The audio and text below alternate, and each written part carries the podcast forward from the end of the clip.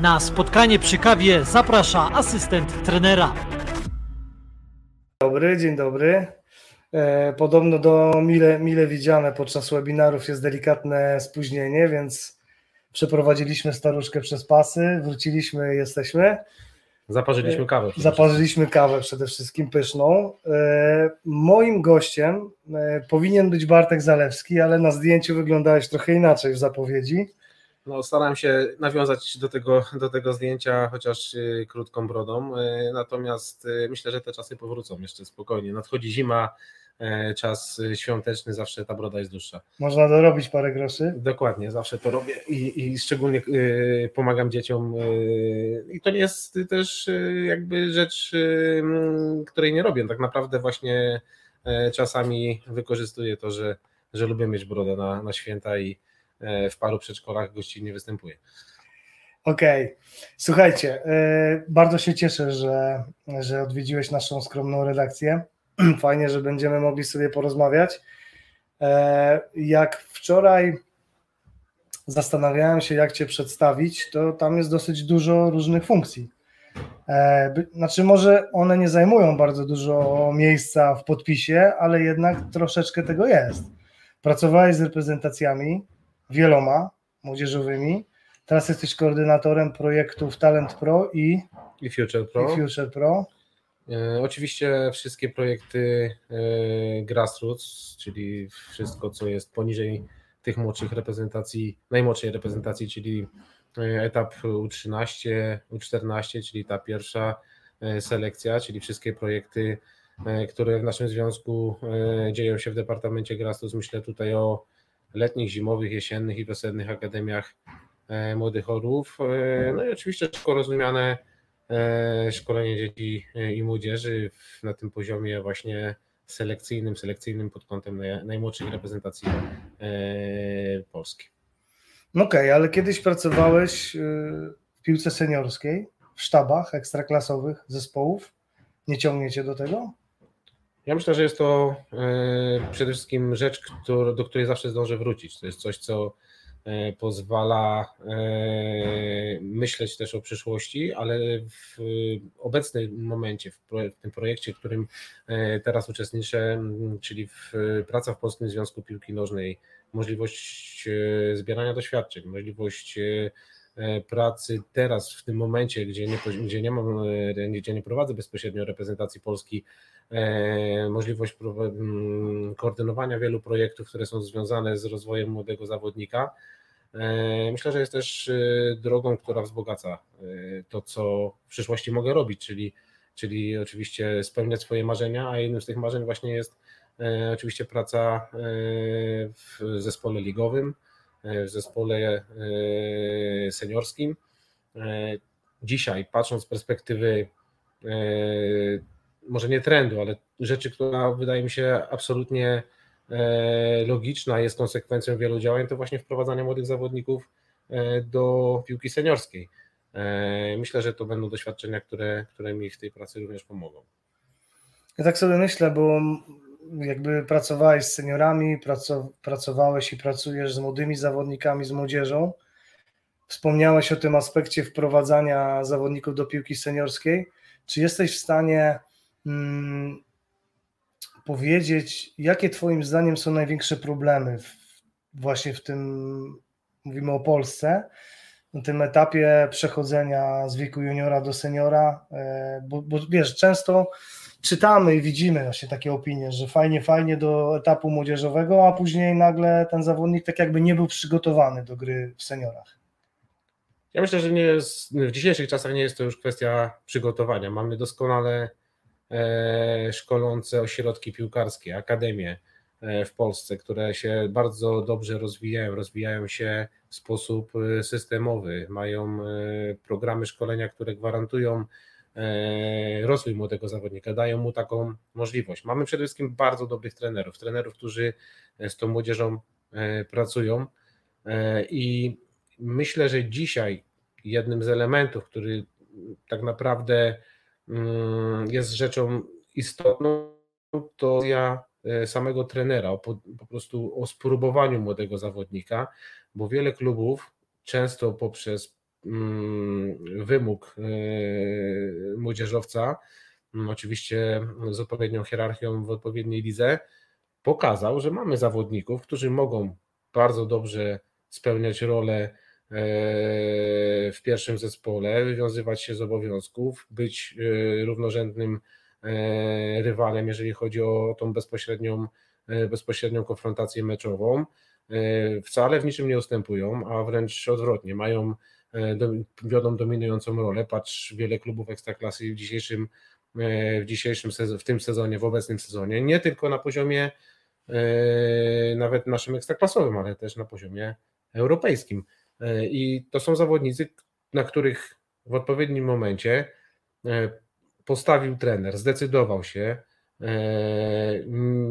zaufał im i, i myślę, że jakby ten moment tej decyzji trenera jest dzisiaj chyba najważniejszy, żeby nie bać się, zdecydować, zaufać, dać chwilę czasu na to, żeby oczywiście ten talent dalej rozkwitał, rozkwitał już na, na tym poziomie seniorskim. Mm, I myślę, że to, że, to, że to dzisiaj chyba jest jedna z ważniejszych rzeczy. No dobra, ale czy trener w piłce seniorskiej ma czas na to, żeby właśnie y, pozwolić temu zawodnikowi popełniać błędy, rozkwitać, tak jak powiedziałeś? Wiesz, jest mnóstwo wypowiedzi, nie chcę teraz przytaczać konkretnych nazwisk, ale na pewno obaj wiemy też, o których trenerów chodzi, no, którzy mówią wprost, tak, okej, okay, no wymagane jest na mnie wprowadzanie młodych, a za chwilę mnie nie ma, bo młody zawodnik potrzebuje tego czasu, żeby się uczyć, jeden więcej, drugi mniej, a ja jako trener nie mam tego czasu i siedzę na rakiecie z podpalonym lądem i tylko nie wiadomo, kiedy ona wystrzeli. I tak i nie. No myślę, że w wiele przypadków e, oczywiście e, ciągle będę się odwoływał do tego przepisu, pokazały, że nawet w sytuacjach, w których trenerzy nie musieli e, się do niego stosować, czyli wprowadzać określone liczby zawodników wymaganej przepisem, e, pokazuje, że wprowadzają ich zdecydowanie więcej e, niż ta wymagana No Bartek, liczba. ale to nie jest tak czasem, że jeżeli młody zawodnik jest dobry, to będzie grał? Tak, tylko czasami brakuje też tego momentu odpowiedniej decyzji, może trochę odwagi. Wiemy, że my jako trenerzy jesteśmy szczególnie na, na, na tym poziomie seniorskim, gdzie chodzi przede wszystkim o wynik, chodzi przede wszystkim o to, żeby e, klub spełniał oczekiwania e, kibiców, wygrywał, zdobywał trofea, jest rzeczą zdecydowanie trudniejszą. I ja sobie z tego też zdaję sprawę. Natomiast myślę, że można to pogodzić, znaleźć gdzieś tam ten, ten, ten balans i ten przepis właśnie pokazał, że, że często można to zrobić. E, I tak jak powiedziałem, wielu trenerów e, już dawno zapomniało o tym, o tym przepisie, po prostu korzysta z młodych zawodników, e, wprowadza ich bardzo odważnie, stawia na nich, pozwala im się rozwijać już na poziomie seniorskim. Bo wracając do pytania, gdzie jest przyczyna, gdzie, gdzie, gdzie, gdzie jest powód właśnie tego, że ci zawodnicy gdzieś tam na tym dobrze zapowiadającym się momencie, nie wiem, u 17, u 18, u 19 E, nagle przestają istnieć na poziomie piłki e, seniorskiej, e, to, to myślę właśnie, że, że, że, że, to jest, że, że to jest ten moment trenera podjęcia odpowiedniej decyzji, która, która spowoduje, że dany zawodnik najpierw w procesie treningowym, bo zdajemy sobie sprawę, że najpierw trener go sprawdza w procesie treningowym, sparingowym, meczów kontrolnych, a później decyduje się go wprowadzić w lidze. Natomiast kiedyś patrzę też z perspektywy swojego własnego doświadczenia piłkarskiego, y, było z tym o to zdecydowanie trudniej. No to prawda, to nawet chyba nie można porównać y, czasów sprzed powiedzmy 10-20 lat a teraz. E, wiesz co, jeszcze tak sobie myślę, bo mm, chciałbym nawiązać do tego wątku e, bycia przez Ciebie trenerem reprezentacji młodzieżowych. Tak się zastanawiam, jak często słyszałeś, czy docierały do ciebie takie informacje? Bo ja często to widzę, jak na stronach internetowych są ogłoszone powołania i tam jest mnóstwo niezadowolonych osób, że, że to jest jakiś układ, że to są jakieś tam koneksje, że dużo fajniejszych zawodników nie zostało powołanych. Jak często po pierwsze zgłaszali się do ciebie ludzie z, z taką podpowiedzią, e, że tu jest świetny zawodnik, trzeba mu dać radę, a jak często musiałeś się bronić przed takim atakiem, że, że gdzieś w tych wszystkich powołaniach to jest tak naprawdę ściema i to idzie według jakiegoś klucza, jakichś układów. Jak to wygląda? E, od razu może mm, anegdota na początek e, tej wypowiedzi. Anegdoty są bardzo mile widziane. E, wielu zadawało pytań, znaczy wiele komentarzy pojawiło się oczywiście w momencie, kiedy mm, miałem przyjemność prowadzić reprezentację U19, a dotyczy powołania Nikoli Zalewskiego, zawodnika AS Roma o tym samym nazwisku, co, co trener, który go powoływał. O, nie zwróciłem na to uwagi. Czyli ja. Oczywiście mm, staram się tego unikać, nie czytam, ale docierają do mnie takie informacje, znowu powołać syna, straszny układ i tak dalej. Oczywiście wielu trenerów osobiście mnie o to pyta i postanowiłem nie zaprzeczać, tylko po prostu potwierdzić, tak, no syn dobrze się rozwija, więc go powołałem. E, I później wracały do mnie oczywiście informacje zwrotne, trener żartował, trener, dlaczego trener nie, nie zaprzeczył. Ja myślę, że to jest też taki moment, gdzie e, my jako trenerzy reprezentacji będziemy się z tym, z tym, z tym, z tym e, faktem zdarzać nieustannie. Natomiast jeżeli chodzi o sam system powołań, sam system selekcji, to jest coś, co działa naprawdę bardzo mocno metodycznie i E, dzisiaj, tak jak jakby zacząłeś w tym pytaniu, e, podchodzi do mnie trener, mówi, że ma świetnego zawodnika, e, nadawałby się do reprezentacji. Oczywiście z każdej takiej informacji korzystamy. Z każdej takiej informacji staramy się wyciągnąć jak najwięcej, sprawdzić, bo każdy trener dzisiaj w Polsce dla mnie jest, jest scoutem. Oczywiście pojawia się tutaj później jakby problem E, odpowiedniego poziomu tego zawodnika, mm, na czegoś, co spowoduje, że my będziemy musieli takiego zawodnika zweryfikować, ale z przyjemnością to robimy. Chcemy takich sygnałów, takie sygnały ciągle się pojawiają. E, nie możemy sobie pozwolić, żeby zlekceważyć e, jakikolwiek z nich, dlatego oczywiście te sytuacje są, do sytuacji gdzieś tam bardzo często się zdarzają. Ja nawet e, będąc na kursach, spotykając się z trenerami, zachęcam, e, żeby dawali nam sygnał, nawet bezpośrednio. E, oczywiście mamy bardzo dobrze rozwiniętą sieć scoutingową, natomiast mamy bardzo dobrze działających scoutów. Przez nich przechodzi większość informacji, natomiast do nas również docierają takie, takie sygnały i absolutnie ich nie lekceważymy. Prosimy o więcej. Do tematu scoutów, scoutingu wrócimy za chwilę, bo mamy bardzo ważny komentarz od tenera reprezentacji Polski Amfootballu Marka Dragosza. Witam Marek. E, nie wiem czy wiesz, pewnie nie wiesz, jeszcze Ci tego nie powiedziałem. Te schody, które tutaj widzisz po prawej noszą imię e, właśnie Marka Dragosza.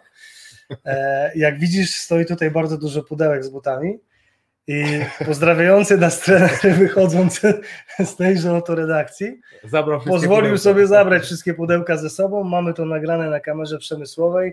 Kiedyś to udostępnimy za grube pieniądze, e, więc e, dlatego tutaj jest taka prośba. Marek się obawia, że przejmiesz e, tutaj, że, że teraz te schody będą nosiły twoją, twoje imię. Zobaczymy. Masz plecak? No to się nie uda, bo trzeba mieć plecak i wtedy jak się odwracasz, to zabierasz za sobą pudełka. Pozdrawiamy wszystkich, którzy do tej pory e, nam się tutaj ujawnili. Zachęcamy Was gorąco do tego, żebyście w tym naszym spotkaniu brali udział. Nie musi to być kawa, może to być herbata, woda. E, jeżeli macie jakieś ciekawe zagadnienia, e, to, to zapraszamy. Wracamy do, do tego tematu scoutingu. Dobrze wiem, bo, bo jakby mam przyjemność wielokrotnie uczestniczyć w różnych naszych spotkaniach przy okazji czy, czy pracy nad suplementami do narodowego modelu gry, czy czy tworzeniu artykułów na przykład do trenera z, e, na przykład z Zimowej Akademii Młodych Orłów, czy, czy innych okoliczności. Wiem, że macie naprawdę bardzo solidną bazę, jeśli chodzi o zawodników, budowaną różnymi drogami, również dzięki e, Akademii Młodych Orłów i tak dalej, i tak dalej. Powiedz mi, jak często zdarza się, że dostajecie sygnał, tak jak powiedziałeś, od trenera i się okazuje, że tego zawodnika nie ma w bazie, bo śmiem wątpić. Myślę, że jednak większość już jest, jeżeli to rzeczywiście jest zawodnik y, prezentujący odpowiedni poziom, żeby go brać jakby w krąg tego zainteresowania. Oczywiście to jest, zdarzają, znaczy takie sytuacje zdarzają się naprawdę już bardzo, bardzo rzadko, ale cieszę się, że się zdarzają. Bo tak jak powiedziałem, nie chcielibyśmy lekceważyć jakiegokolwiek sygnału. Oczywiście w 99% takich sygnałów to są już nam znane osoby i znani zawodnicy. Natomiast cieszę się, że zdarzają się też właśnie takie, których, których mamy, bo to też pokazuje, E, jak ważną rolę w tym procesie selekcyjnym, w tym procesie scoutingowym e, odgrywa właśnie e, trener prowadzący zespoły w mniejszych ośrodkach piłkarskich, nawet nie, nie, nie boję się powiedzieć, nie użyć słowa, nie wiem, nawet wiejskich ośrodkach, które są prowadzone z pasją, są prowadzone z olbrzymim często doświadczeniem takiego trenera, E, i okiem, które jest też bardzo ważne, które potrafi ocenić. e, takiego młodego, utalentowanego zawodnika, czy też zawodniczkę, bo nie możemy zapomnieć też o, o prężnie rozwijającym się, się e, piłce kobiecej. I to powoduje, że, że takie sygnały też, jesteśmy na takie sygnały otwarci, chcemy, żeby były i zapraszamy. Tak jak powiedziałem, oby ich było jak najwięcej.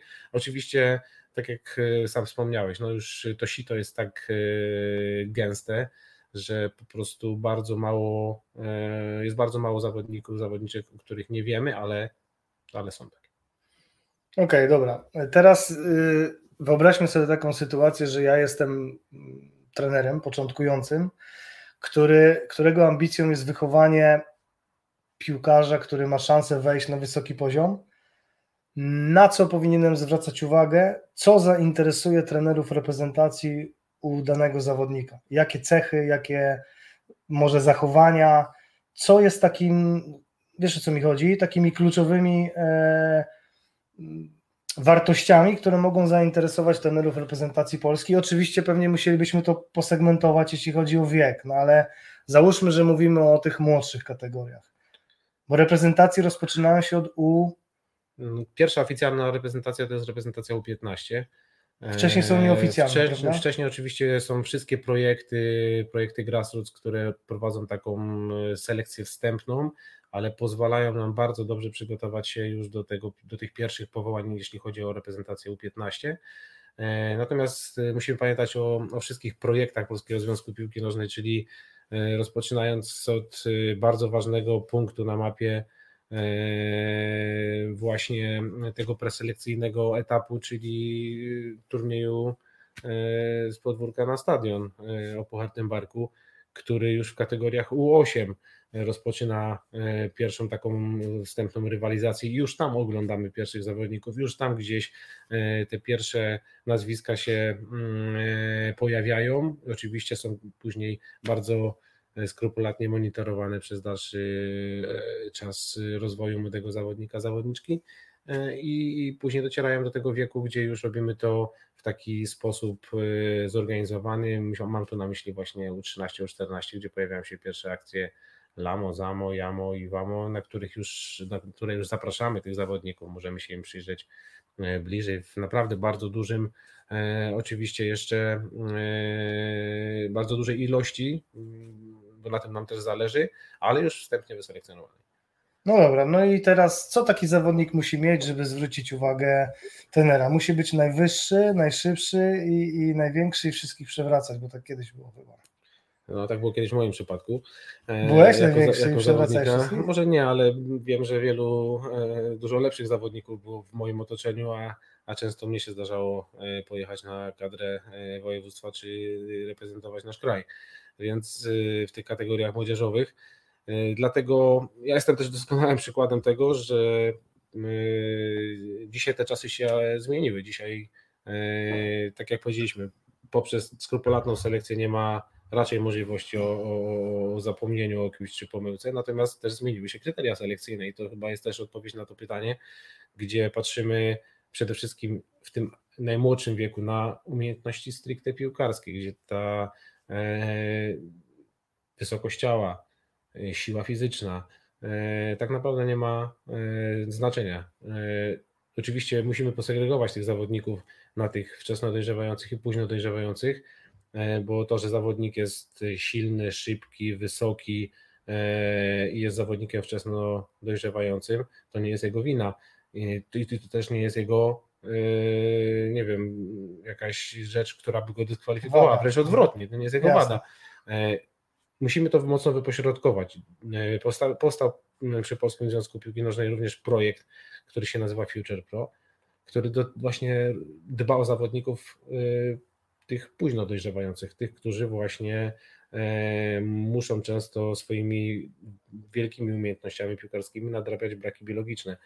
E, ale to wszystko się bilansuje w wieku 15, 16, 17. E, I, ale te dwa, te dwa, e, że tak powiem, mm, etapy, te dwa rodzaje, te dwa rodzaje zawodników e, obserwujemy, na każdego czekamy, każdemu dajemy szansę. I tak jak powiedziałem, już nawiązując do odpowiedzi na to pytanie, to w pierwszej kolejności interesują nas to, co może nas zauroczyć na boisku, to jego umiejętność, to właśnie umiejętności piłkarskie. To dzisiaj szeroko rozumiana decyzyjność, czyli to, co zawodnik na najwyższym poziomie jest utożsamiane, z, co, co na, u zawodnika na najwyższym poziomie jest utożsamiane z talentem. Czyli ten talent oczywiście do e, postrzegania wielu rzeczy, że, rzeczy, których nie widzi e, zawodnik, który tego po prostu nie posiada. E, czasami nie może tego wykonać jeszcze, bo nie ma na to ani na normalnej świecie siły, ani nie ma na to e, jeszcze tak e, dobrze rozbudowanych e, umiejętności piłkarskich, ale wiemy, że to ma, wiemy, że to widzi, wiemy, że próbuje, widzimy, że odwraca głowę w tą stronę, którą my chcemy, żeby odwrócił i robi to już na, naprawdę na, na, na tym etapie najmłodszym. To zwraca na, na nas szczególną uwagę, na to chcemy, chcemy też e, patrzeć. Oczywiście, tak jak powiedziałem, działamy bardzo szeroko, bardzo kompleksowo e, i nie ograniczamy się tylko i wyłącznie do takich e, mm, obserwacji, ale one są bardzo szeroko rozbudowane. Kryteriów selekcyjnych mam naprawdę bardzo, bardzo dużo i wiemy, że musimy na niektórych zawodników poczekać, wiemy, że z niektórymi możemy działać już teraz, a y, summa summarum oni tak gdzieś spotkają się za chwilę na etapie U17 wspólnie w jednym zespole często. Teraz chyba najtrudniejsze pytanie. Y, Jak myślisz, czy wszyscy trenerzy reprezentacji młodzieżowych nas dzisiaj oglądają? Bo widzimy tam pozdrowienia. Ale Wojtek widzę, że ogląda. Jest No. Wojtek. Pozdrawiamy Wojtka i pozdrawiamy wszystkich, którzy tam wcześniej. Marek. No dobrze. E, Bartek, okej. y, Widzisz u takiego zawodnika młodego właśnie to coś, że, że odwraca głowę tam, gdzie powinien, ale na tym etapie może być tak, że on po prostu to ma. To wcale jeszcze nie jest ukształtowane przez trenera. I teraz pytanie, co dalej? Czy, czy ten zawodnik tego nie straci, jeżeli wróci ze zgrupowania i będzie dalej pracował w klubie, na którym ktoś na przykład nie zwraca uwagi? Co za tym idzie, czy na przykład dajecie jakieś sugestie po takim e, zgrupowaniu, żeby w dany sposób z danym zawodnikiem pracować, albo że zauważyliście, że określone umiejętności, żeby na przykład je pielęgnować, czy nawet mocniej pracować. Y, Dlaczego o to pytam? Chodzi mi o to, jak pomóc trenerom, a tak naprawdę zawodnikom, żeby y, uwypuklać te cechy, żeby oni tego nie, nie, nie stracili, bo na pewno część jest taka, która się po prostu rodzi z pewnymi rzeczami, ale później one są gdzieś niestety przez trenerów, yy, wiesz, zaprzepaszczane. Tak jak się mówi, kreatywność, czy można ją trenować? Nie wiem, czy, czy można, ale można ją jakoś próbować, yy, na przykład jej nie, nie zepsuć. Już jest dużo. E, Znaczy tak, y, wrócę jeszcze też do, do jakby do mm, poprzednich moich wypowiedzi.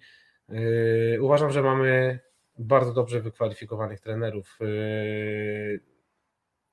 bardziej świadomych, świadomych właśnie takich rzeczy, o których powiedziałeś, E, żeby e, u zawodnika przede wszystkim zauważyć e, te rzeczy, które ma ponad stan, Wojtek podesłał.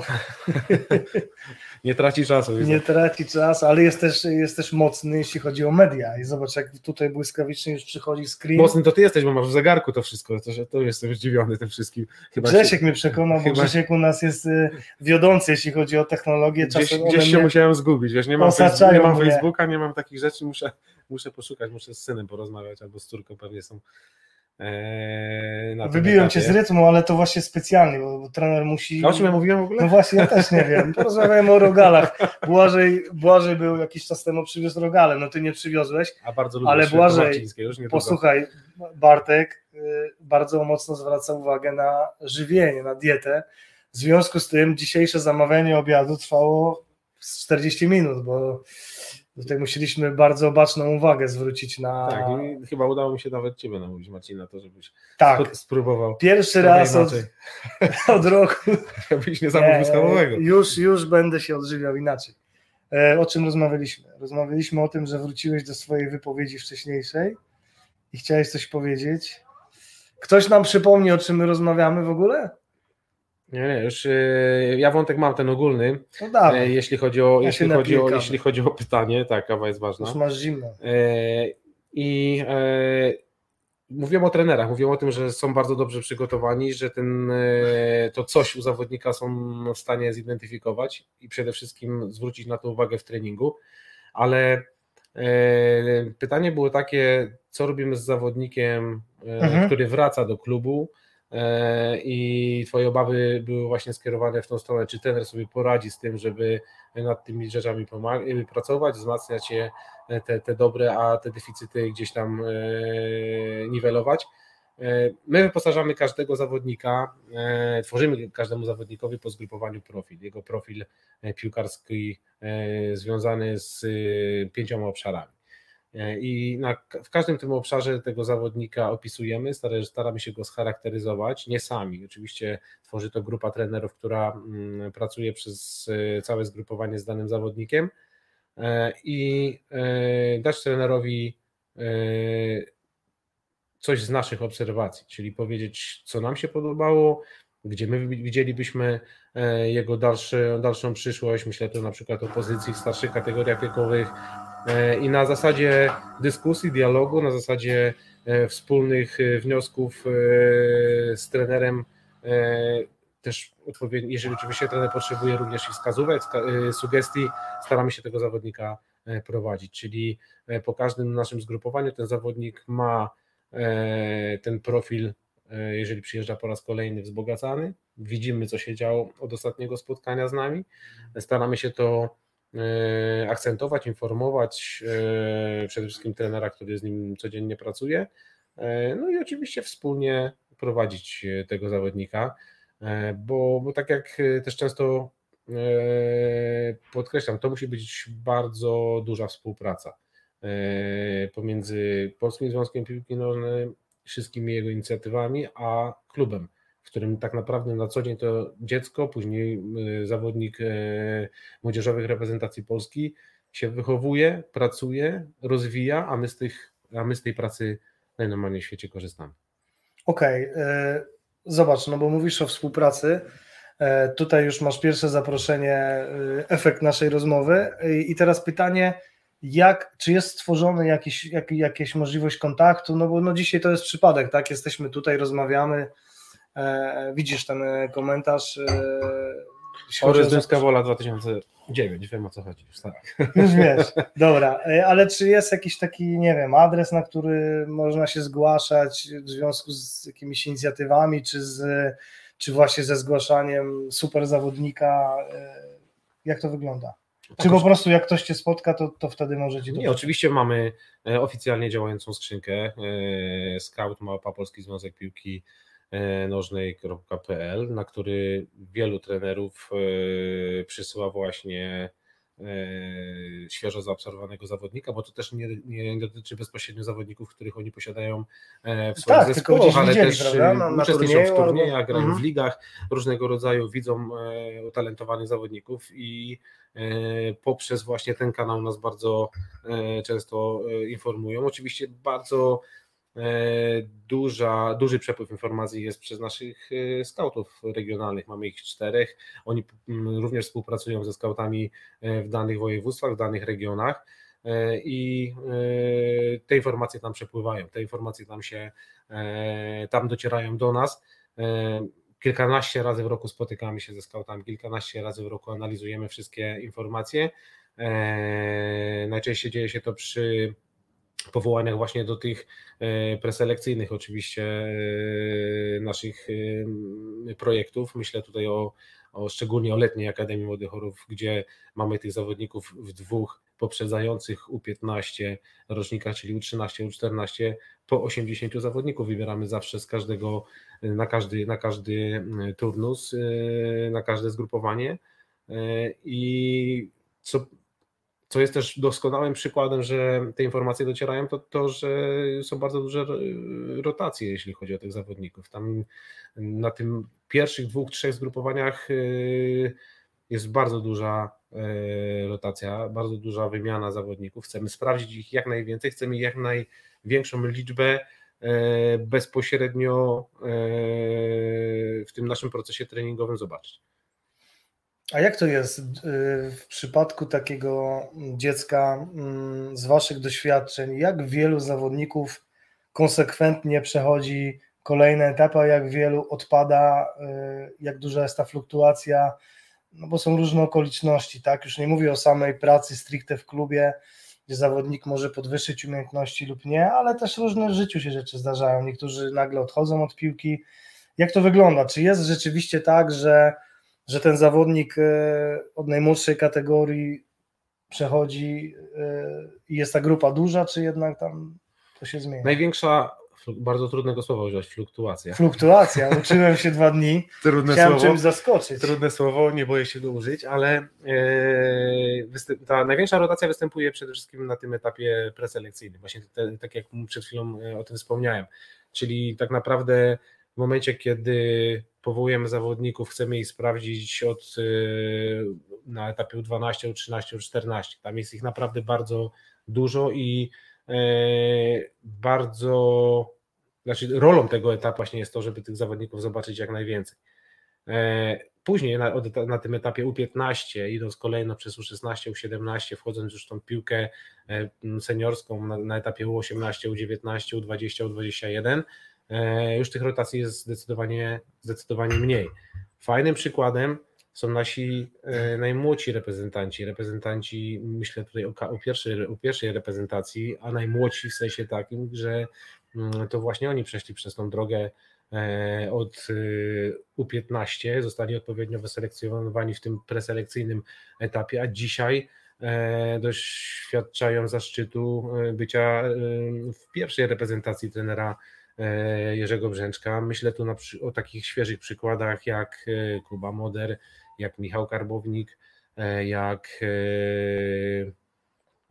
Jóźwiak, czyli są wszyscy ci, którzy przeszli tą, ten, ten, od, od U15 na pewno mm, poprzez kolejne reprezentacje aż do spełnienia ich marzeń w pierwszej reprezentacji.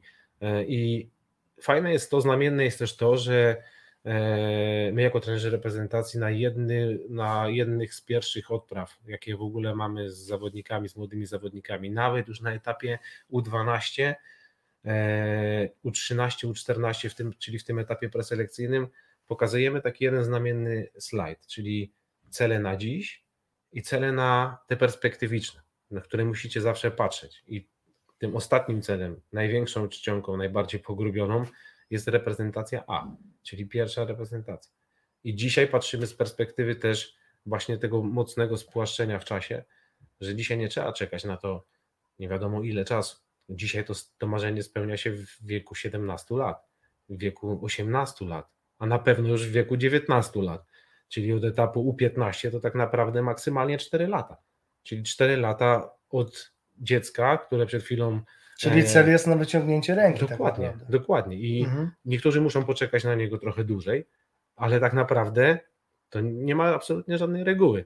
I pokazujemy to już naprawdę od zawsze, można powiedzieć, jeżeli chodzi o, o te pierwsze, pierwsze zgrupowania, szczególnie zgrupowania selekcyjne na etapie U15, U17, które również odbywają się bardzo często i również przez które przechodzi bardzo duża liczba zawodników często odkrywanych w wieku, nie wiem, u 15 dopiero, albo w wieku u 16, bo ktoś rozpoczął swoją przygodę z piłką trochę później, albo wcześniej grał na fortepianie i teraz stał się, yy, uprawiał sport, inny sport na przykład, tak? Bo mamy wiele takich transferów, bym powiedział, yy, na przykład z lekkiej atletyki nagle stają się zapałali nową pasją, którą jest piłka nożna i są utalentowani i bardzo szybko się rozwijają. I to jest, wiele jest takich przypadków dzisiaj. A mieliście na przykład kiedyś taki przypadek, że jakiś redaktor wykazał wielki talent i został powołany do reprezentacji? Nie, ale mieliśmy wiele przypadków, gdzie redaktor dobrze pisał na przykład o, o piłce. Wow, naprawdę? Tak, więc i, coraz, i coraz częściej. I taki siedzi koło mnie. To jest niesamowite, dzięki. E, Bartek, zobacz, mamy ciekawe pytanie od Artura, e, wrzucimy je tutaj. Czy jest możliwość odbycia stażu trenerskiego na zgrupowaniu młodzieżowej kadry narodowej? E, Jak to wygląda? Odpowiedź brzmi oczywiście tak. Nie, nie od dziś też i to nie jest też rzecz, która jest jakby nowa, bo nasze drzwi są szeroko otwarte dla wszystkich chętnych, którzy chcieliby z takiej możliwości skorzystać. Przede wszystkim wszystkie nasze e, treningi, treningi młodzieżowych reprezentacji Polski są otwarte, czyli każdy trener może przyjść, każdy trener może je obejrzeć, każdy trener może e, z nami porozmawiać, jeżeli tylko będzie chciał. E, I to się staje też coraz częstsze w przypadku szczególnie zgrupowań tych najmłodszych reprezentacji, gdzie gościmy naprawdę bardzo dużą grupę trenerów. E, zapraszam oczywiście na nasze wszystkie akcje wcześniejsze też. E, myślę tutaj o mm, e, wszystkich akcjach grassroots, czyli letniej, zimowej, jesiennej i wiosennej Akademii Młodych Chorów, które też odbywają się w cyklach tygodniowych zgrupowań kilkanaście razy w roku.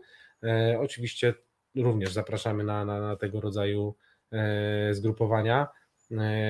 O tyle jest to ciekawe, że wielu trenerów e, z tego korzysta. To po pierwsze, ale po drugie też e, odbywa staże potrzebne im do podnoszenia swoich kwalifikacji trenerskich, do ukończenia poszczególnych etapów kursów i tak dalej, i tak. Także na, na pytanie trenera Artura odpowiadam tak, jest możliwość. Bartek, to teraz chciałbym trochę zmienić, e, e, zmienić e, temat. Bardzo mnie interesuje taka rzecz, bo zaczęliśmy rozmowę od tego, że przypomniałem, że pracowałeś w sztabach piłki seniorskiej w Ekstraklasie. Jakbyś mógł porównać pracę bycia na przykład asystentem w Ekstraklasie, w sztabie ekstraklasowego zespołu, a trenerem młodzieżowej reprezentacji Polski? Mam tutaj na myśli obciążenia psychiczne, odpowiedzialność, e, e, obciążenie pracą czasowe, takie ciekawostki mnie interesują. Zacznę od tego e, mentalnego, że tak powiem, czyli od tych, od tych obciążeń. Niebawem będzie suplement Narodowego Modelu Gry, tak. przygotowanie mentalne, psychologiczne. Trening, trening mentalny, tak. tak. W piłce nożnej. Oczywiście miałem, to była też taka, taka też była moja droga w ogóle rozwoju mojego, mojego trenerskiego gdzie przez wiele, wiele lat y, miałem przyjemność y, pobierać bezpośrednie nauki e, w sztabach trenerskich ekstraklasowych. Stres wbrew pozorom jest dokładnie taki sam. Odpowiedzialność oczywiście jest inna, ale stres wbrew pozorom jest dokładnie taki sam. Z tą różnicą, że dotyka cię co tydzień w pracy klubowej, a tutaj do tego stresu kilkanaście razy w roku musisz się dobrze przygotować. Co do intensywności pracy, to ona jest dokładnie taka sama, jeżeli chodzi o jakby globalne spojrzenie.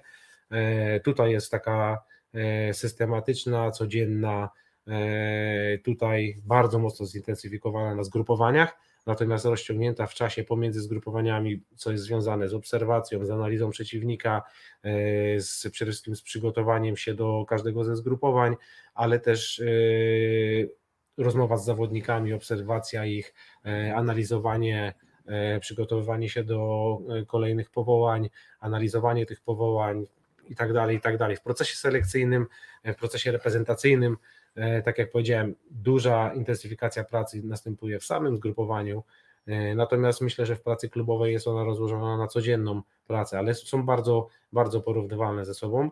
E, co do stresu, to tak jak mówię, no, on oczywiście wzrasta ze zbliżaniem się tego dnia meczowego.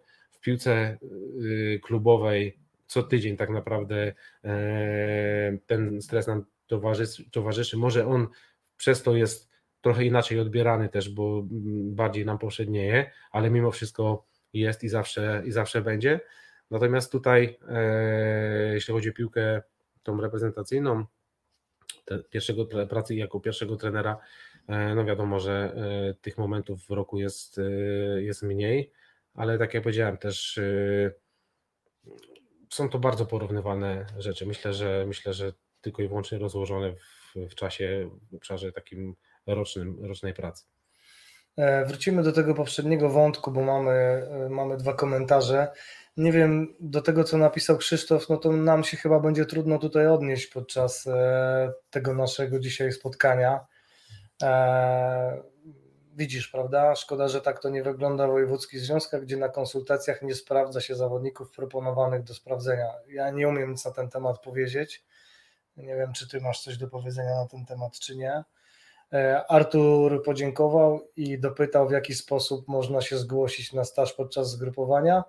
E, dobrze przemyśl swoją odpowiedź, bo sporo osób to będzie oglądać. Ale zawsze powtarzam to samo, nie ma, nie ma absolutnie żadnego problemu. Myślę, że bezpośrednio e, przede wszystkim bezpośrednio można się kontaktować z trenerami reprezentacji. Jesteś naprawdę wszyscy mm, otwartymi trenerami, ludźmi przede wszystkim i można z nami o tym wszystkim porozmawiać i zapytać normalnie bezpośrednio. Możemy być, możesz być Marcin łącznikiem, jeśli chodzi o te kwestie, bo znasz wszystkich trenerów reprezentacji z racji naszej bliskiej współpracy, e, więc, e, więc e, to też to może być nie jakaś... Puścicie mnie już więcej na spotkanie, jak będę przychodził i będę załatwiał interesy. Nie, nie, absolutnie nie, no to, to, to jest nasz wspólny interes, tak mi się wydaje i cieszę się, że w ogóle takie zainteresowanie jest, ono, oby było ono jak największe. I, i... No zobacz, Paweł potwierdza, zresztą dobry nasz znajomy, miał okazję być, więc Bartek tutaj nie opowiada banialuk, kolejne trudne słowo dzisiaj. Stare, ale, ale, ale trudne. Tak. E, no oczywiście, dlatego mówię, że jeżeli ktoś e, ma, ma ochotę, chce, e, to, mm, to bardzo serdecznie zapraszamy. Mówię też w imieniu wszystkich naszych trenerów reprezentacyjnych E, bo wiem, że każdy z, z nich jest otwarty na, na, na, na, takie, na takie rzeczy. Oczywiście w różnej, e, w różnej formie, bo wiadomo, że też e, każdy trener ma swój sposób i swój, swoją orientację na ten temat, natomiast wszyscy są absolutnie otwarci. Kwestia tylko i wyłącznie uzgodnień, uzgodnień ustaleń i tak dalej, więc jest to absolutnie do, mm, do załatwienia, bym powiedział.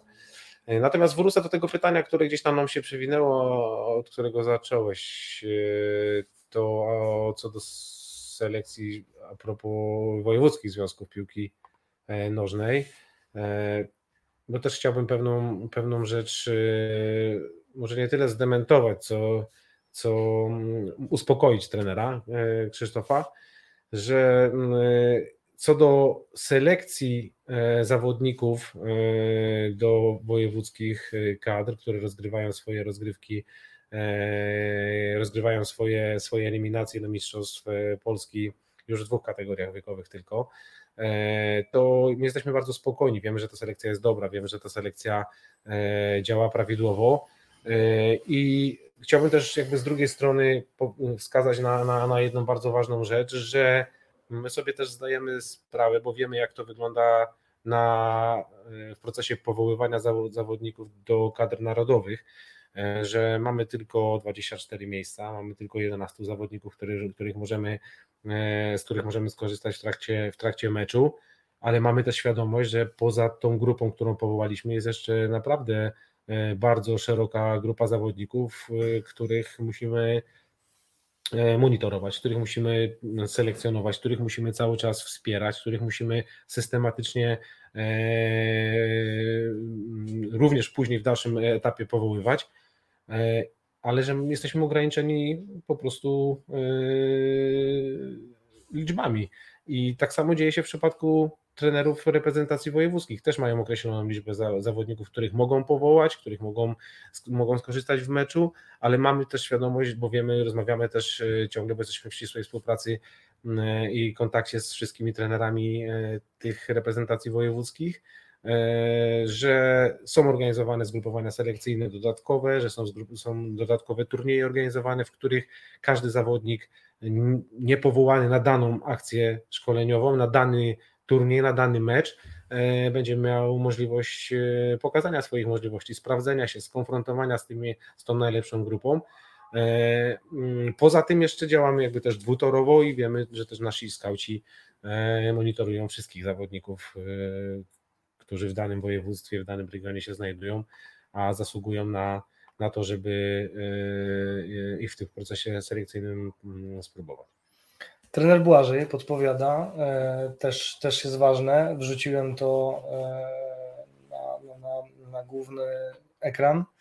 Proponuje kontakt z trenerami mobilnego AMO z danego województwa, którzy przekazują wyróżnionych zawodników na konsultacje kadr wojewódzkich. I to też jest pewnie tak. konkretna odpowiedź na, Oczywiście, na, tak. na kwestię poruszoną przez, ten, przez trenera Krzysztofa. To też bardzo duża, to też bardzo duża praca właśnie trenerów e, mobilnego AMO, którzy poza tymi obowiązkami, e, które e, w głównej mierze wykonują, też właśnie pomagają w procesie selekcyjnym. Są dodatkową grupą trenerów, wykwalifikowanych trenerów, którzy przede wszystkim mają bardzo dobre porównanie, bo często też pracują w, w reprezentacjach właśnie wojewódzkich Y, wiedzą jakie, jakie są kryteria, jakie są e, potrzeby selekcyjne dotyczące takiego zawodnika e, i y, bardzo mocno wspierają ten proces selekcyjny. Okej, okay. widzimy Krzysztof jeszcze odpisał, możesz się spokojnie zapoznać, a ja w tym czasie dopytam trenera Wojtka, który potwierdza, tylko nie wiemy co. Trenerze Wojtku, czy potwierdza, że jesteś otwarty na to, żeby odwiedzili Cię trenerzy na zgrupowaniu? Czy potwierdzasz to, że byłeś na stażu u trenera Bartka i, i był otwarty na, na Twój staż? Czekamy na odpowiedź. Jesteśmy na nieustannym stażu wspólnym e, z Wojtkiem, także tutaj, ja też potwierdzam. Wszyscy potwierdzamy, wszystko jest potwierdzone. E, Krzysztof, e, no nie wiem, tu jest chyba kwestia też, też dotycząca tego, że to, że ktoś trafił do notesu, to też nie zawsze oznacza, że że później dostanie powołanie, ale to trudno nam teraz chyba o takich rzeczach rozmawiać, bo nie znamy konkretnej, konkretnej sytuacji. Na pewno to jest trudna sytuacja dla dziecka. Zresztą niedawno, wczoraj albo przedwczoraj, ty nie używasz y, mediów społecznościowych, więc nie widziałeś. Pojawił się taki, taki post o zawodniku bodajże 17-letnim, który popełnił samobójstwo, bo gdzieś został y, ze szkółki Manchesteru City e, usunięty, usunięte złe słowo, no po prostu odpadł w procesie selekcyjnym i nie wytrzymał tego i to na pewno to też jest chyba element tego sportu, żeby radzić sobie, bo nie wszyscy dojdą na ten poziom e, najwyższy, czy ja jestem najlepszym przykładem. Nie doszedłem, nie udało mi się dojść na najwyższy poziom, ale się nie załamałem. Chociaż. To myślę też, to myślę też, ale to, to, to absolutnie też rola trenera. No zdecydowanie. Tego wsparcia, umiejętności e, wytłumaczenia, pokazania też czasami innej drogi do spełniania swoich marzeń, bo e, wiadomo, że e, na szczyt tej piramidy dochodzą tylko i wyłącznie jednostki, bo tak możemy patrzeć z perspektywy. Jakieś chyba promile, chociaż promi nie jest najlepszym słowem, ale promile tych wszystkich dzieci rozpoczynających przygodę z piłką. Ta piramida u podstawy jest olbrzymia jest olbrzymia, jest bardzo szeroka i to właśnie pokazuje też proces selekcji, przez jaki przechodzi każde dziecko yy, tak naprawdę w każdej dyscyplinie, w ogóle w sporcie. Na szczyt docierają jednostki i yy, umiejętne prowadzenie zawodnika, nie tylko od tej strony stricte yy, fizycznej, rozwoju jego umiejętności, w naszym przypadku piłkarskich, ale też praca nad jego tym mentalnym postrzeganiem świata, radzenia sobie właśnie z takimi rzeczami, niepowodzeniami, a takim skrajnym przykładem niepowodzenia jest właśnie to, co, o, czym, o czym przed chwilą powiedziałeś na przykładzie mm, chłopca z Manchesteru, zawodnika Manchesteru City. E, I tu też bardzo duża rola trenera, współpracy z rodzicem, e, żeby nad tymi element, tych elementów też gdzieś tam nie, nie zaniedbywać, pilotować je, mieć uwagę na to, że takie rzeczy mogą się e, wydarzyć e, i e, w odpowiednim czasie temu zaradzać. Teraz tak trochę pojedziemy jak z gredziki. Za naszych czasów było tak i ja jestem tego, doświadczyłem tego może nie na własnej skórze, ale to widziałem i słyszałem, że często trener nawet sugerował, żeby troszkę szkołę odstawić, bo masz predyspozycję, możesz być piłkarzem i ja zauważam, że jeszcze wciąż jest tak i to akurat chyba bardziej u rodziców, że tak bardzo wierzą w swoje dziecko na etapie U11, że już y, układają całe jego życie pod to, że będzie piłkarzem profesjonalnym. I tu moim zdaniem jest ogromne zagrożenie, bo to jest naprawdę niewielka szansa, że ono będzie. A jeżeli te inne, yy, powiedzmy, dziedziny życia zostaną zaniedbane, edukacja, nie wiem, spo, społeczne, społeczeństwo, czyli relacje z rówieśnikami i tak dalej, no to później może być problem. Jest Y, znaczy tak, jakby patrząc na y, rozwój tych młodych zawodników dzisiaj, myślę, że po pierwsze większość y, klubów, akademii, szkółek piłkarskich dba równomiernie o rozwój fizyczny i, rozwój zawodnika właśnie jeżeli chodzi o, o edukację. Może być tak, że często rodzice tą, tą szalę przechylają nierównomiernie i gdzieś ten balans nie zostaje zachowany.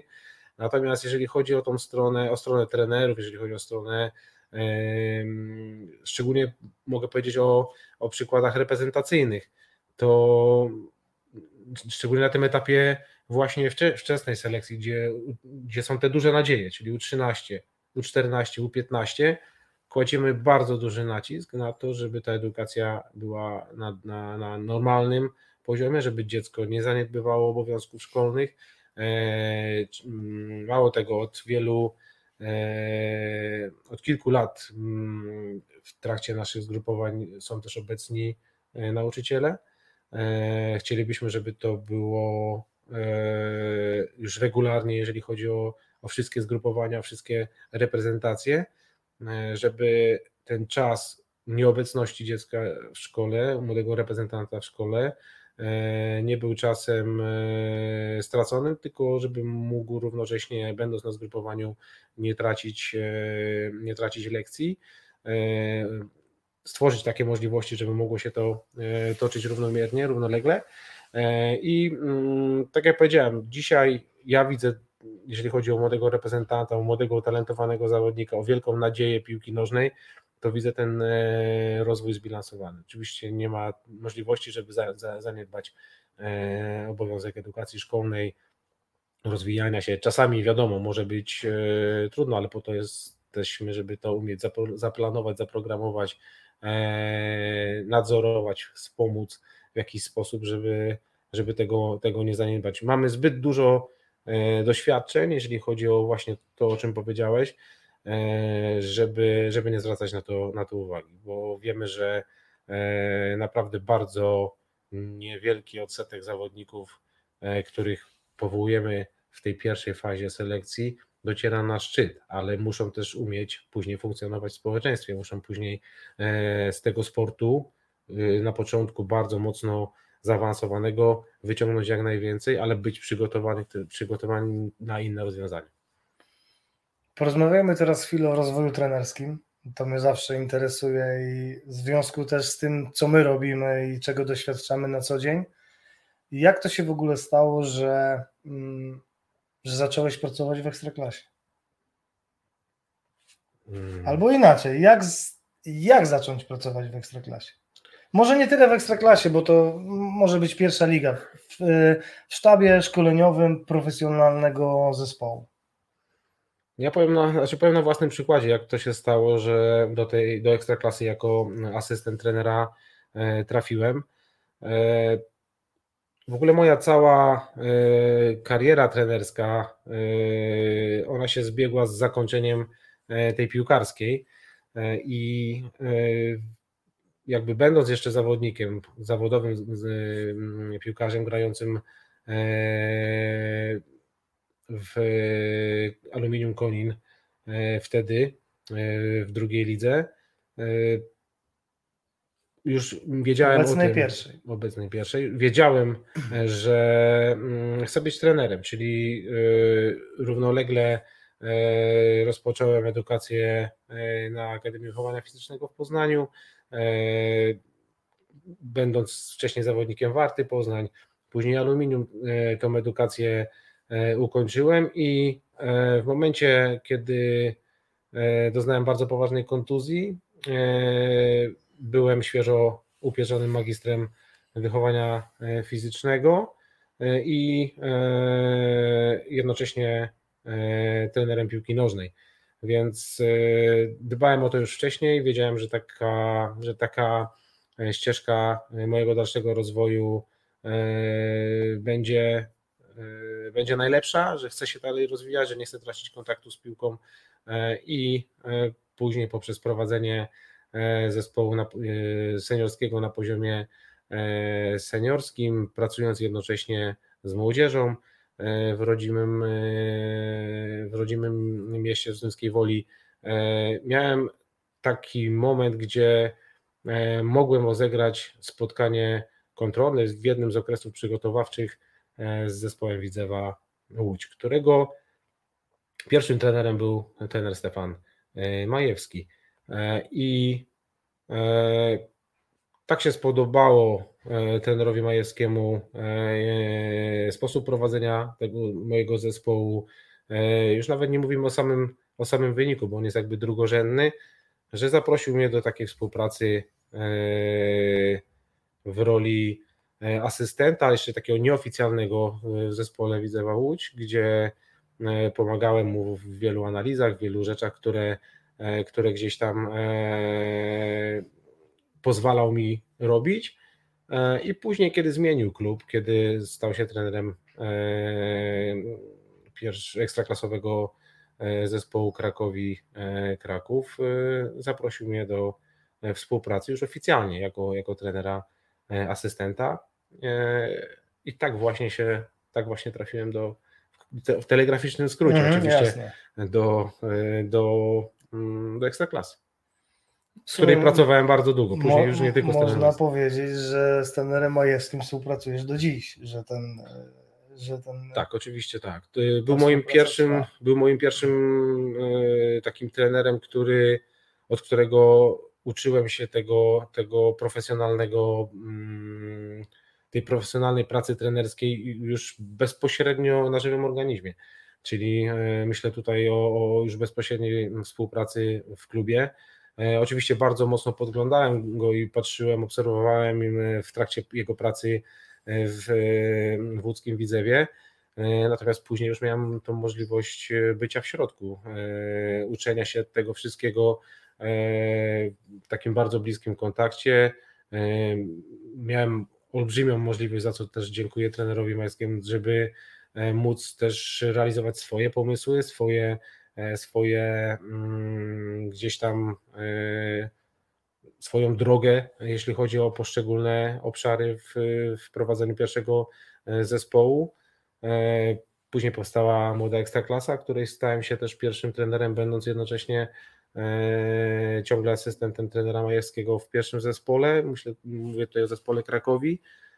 To też było olbrzymie doświadczenie dla mnie, kolosalna, kolosalny jakby przeskok bo mogłem poprowadzić e, w profesjonalnym klubie równie profesjonalny zespół młodej ekstraklasy e, i e, bezpośrednio konfrontować te swoje pomysły, przekładać te rzeczy, które robiliśmy w pierwszym zespole, wprowadzać młodych zawodników do pierwszego zespołu z Majewskim, także wiele, wiele rzeczy przez te trzy lata współpracy, takiej bliskiej współpracy w jednym sztabie szkoleniowym E, się nauczyłem, byłem, no, to jest olbrzymie doświadczenie, to jest coś, czego, czego, czego po prostu e, nie przeczytamy w żadnej książce, e, a jesteśmy w stanie naprawdę bardzo mocno się rozwinąć, no i przede wszystkim przygotować do późniejszej pracy bycia, bycia pierwszym trenerem, bo mm, ale to był, to, to był pierwszy etap. Drugim etapem takim, który, który gdzieś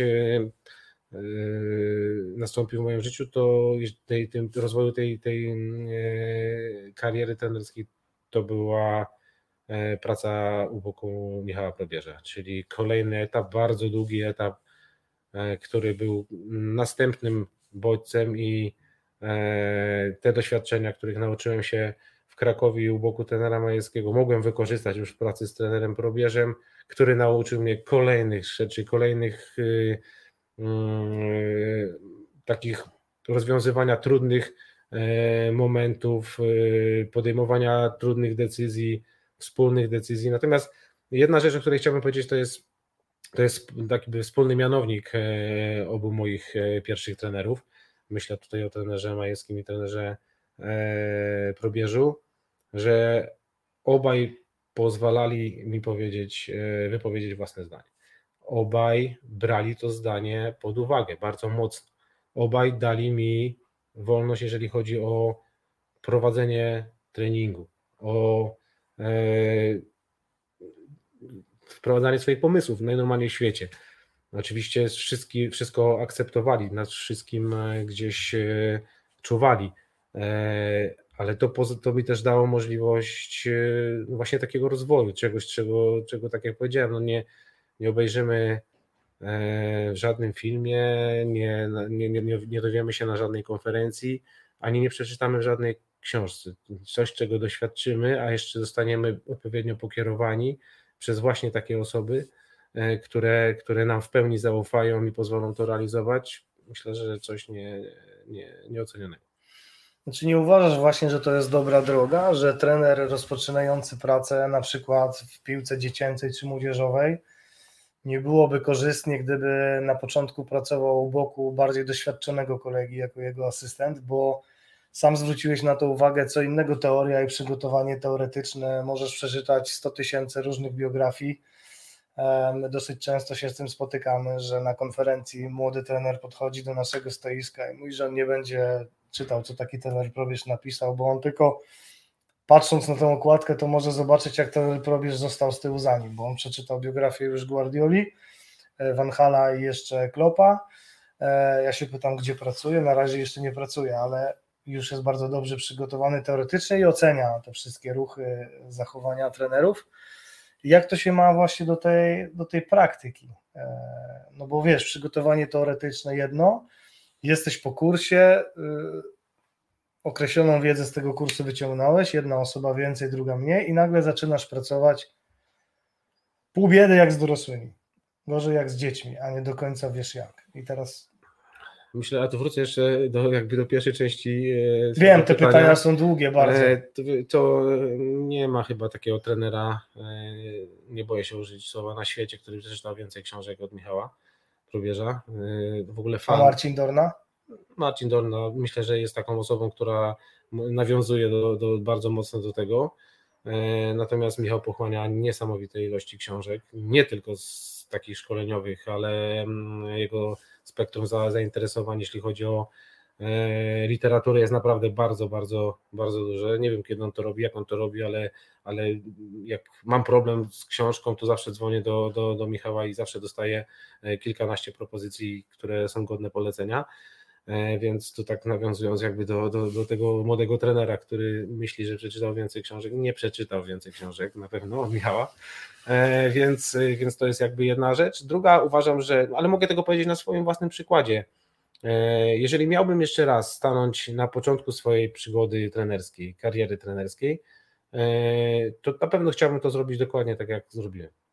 Czyli chciałbym uczyć się od najlepszych, dostać taką szansę, ale tylko w takiej formie, jak, jak, w jakiej powiedziałem, czyli że dostajesz olbrzymi kredyt zaufania, jesteś równo, równorzędnym partnerem do rozmowy, jesteś bardzo ważną postacią sztabu szkoleniowego, mimo tego, że jesteś młody, niedoświadczony, to dostajesz to zaufanie, e, możesz się realizować, możesz wypowiedzieć własne zdanie, możesz e, zostać często e, za nie skrytykowany, ale musisz mieć argumenty, które potrafią obronić Twoją tezę. Bo wiem, że są też takie sztaby trenerskie, które, w których, których młodzi trenerzy nie mają takiej możliwości. Często są tylko odtwórcami tego, co, co jest w głowie pierwszego trenera. E, ja miałem tą możliwość, że zarówno u trenera Majewskiego, jak i u trenera Probierza i tu też może zaskoczę Ciebie, może wielu, ale jest, tak, tak też to odczuwam. Pracowałem też bardzo, e, może niedługo, ale w dosyć e, szerokim wymiarze z trenerem Marcinem Dorną, który jest moim rówieśnikiem, moim przyjacielem i od którego też bardzo dużo się nauczyłem i też wielu jako asystent w młodzieżowych reprezentacjach, bo trener Dorna rozpoczął swoją pracę mm, w Polskim Związku Piłki Nożnej od prowadzenia właśnie reprezentacji U15, w której, y, do której mnie też zaprosił jako, jako, jako asystenta i mogłem też e, patrzeć jak, jak Marcin pracuje, jak, jaką ma drogę e, prowadzenia zespołu, jaką ma, jaką, jaka jest jego filozofia i z wielu rzeczy korzystam, które zobaczyłem Marcina, korzystam do dziś, on o tym wie doskonale e, i, i myślę, że wzajemnie się też uzupełnialiśmy ja miałem też swoją, swoją już, że tak powiem. Przepraszam, bazę... bardzo chciał słuchać dzisiejszej rozmowy, ale nie ma Facebooka. No to tak jak ja. ale dostarczymy, dostarczymy mu to nagranie i nie, obejrzy. No, on doskonale o tym wie, więc to nie ma absolutnie, absolutnie mm, e, problemu. I e, ważne jest właśnie, żeby taką możliwość mieć. Ważne jest, żeby, żeby, żeby Twoje zdanie się w tym sztabie liczyło i żebyś mógł właśnie w ten sposób się rozwijać. I jakby wracając do sedna, bo to nie tylko Twoje pytania są bardzo rozbudowane, również te moje odpowiedzi pływają gdzieś tam w różnych. No to o to na, chodzi. Na myślę, różnych, na myślę różnych że obszarach. jak się rozmawia przy kawie, to właśnie tak wygląda Dokładnie, rozmowa. więc, więc to jest jakby kwestia, e, kwestia. Ja bym na pewno zrobił dokładnie tak samo. Polecam każdemu taką drogę, ale czy musicie pamiętać o tym, że to jest moja droga, że to jest coś, co ja doświadczyłem i wiem, że E, powtórzył, najlepsza edukacja na świecie, jaką, jaka, może, jaka może spotkać trenera. Oczywiście wiedza, teoria, kursy, szkolenia, konferencje, książki, jak najbardziej tak, to jest podstawa, to jest baza do tego, żeby zbudować swoją własną filozofię, no i ta praktyka, którą musisz gdzieś e, spożytkować, gdzieś musisz ją sprawdzić. Ja miałem możliwość pracowania e, u boku trzech trenerów, którzy mnie nauczyli bardzo dużo, i z których, z których wiedzy korzystam do tej pory, ale na bazie których mogę też swoje y, pomysły realizować i gdzieś mieć swoją, swoją własną e, drogę. Także mm, polecam. I nie uważam, że e, jest to droga, która przygotowuje gruntownie do wielu rzeczy. Patrz, potrafi, potrafimy spojrzeć na wiele aspektów zupełnie inaczej.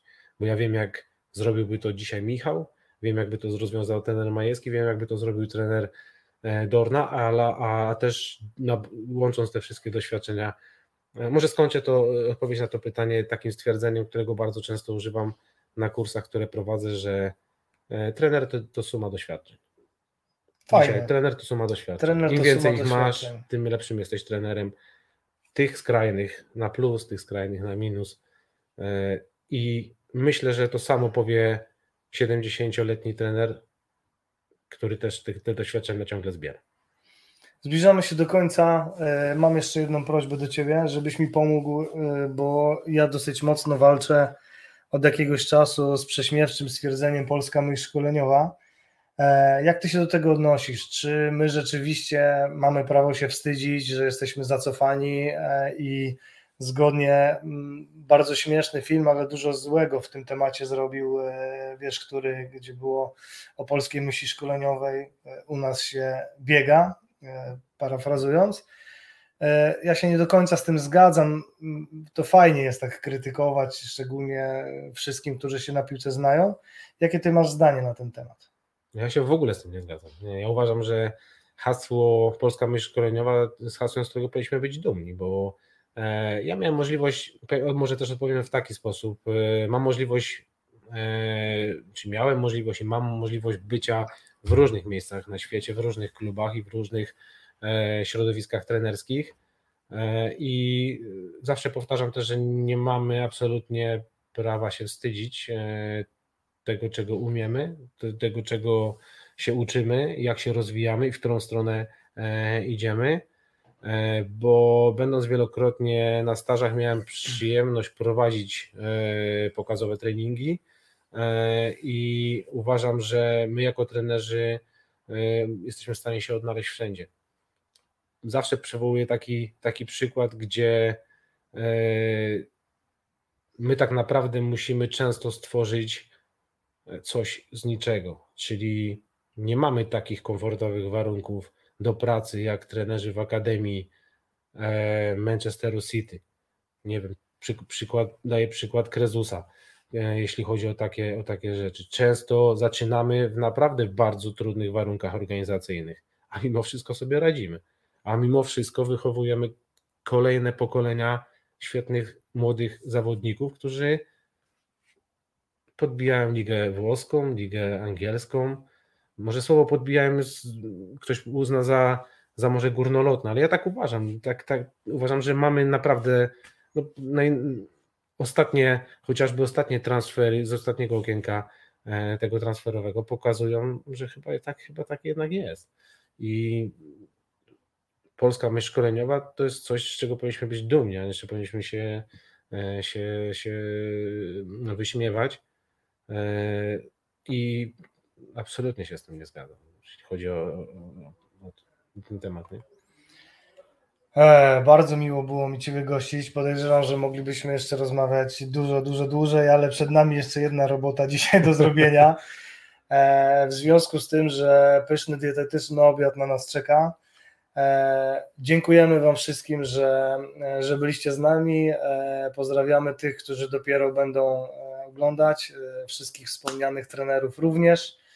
E, także ja Tobie, Bartku, bardzo dziękuję. Ja dziękuję za zaproszenie, dziękuję za możliwość e, spotkania się wirtualnie z taką dużą grupą e, Wiesz, jesteśmy, tre, jesteśmy w takim okresie teraz, że obawiam się, że w najbliższym czasie to jest jedyna możliwość, żeby móc tak z szerszą grupą ludzi się spotkać i wymienić opiniami.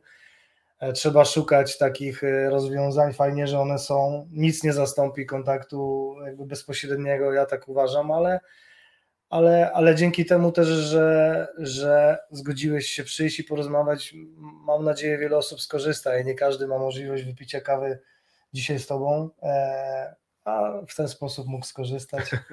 Ja również dziękuję. Duża przyjemność dla mnie zawsze, e, jeśli chodzi o, o takie spotkanie, więc jeszcze raz dziękuję za zaproszenie, dziękuję za uwagę i e, a propos wszystkich tematów, które poruszaliśmy, polecam się na przyszłość. Pozdrawiamy Was serdecznie. Do następnego. Wszystkiego dobrego.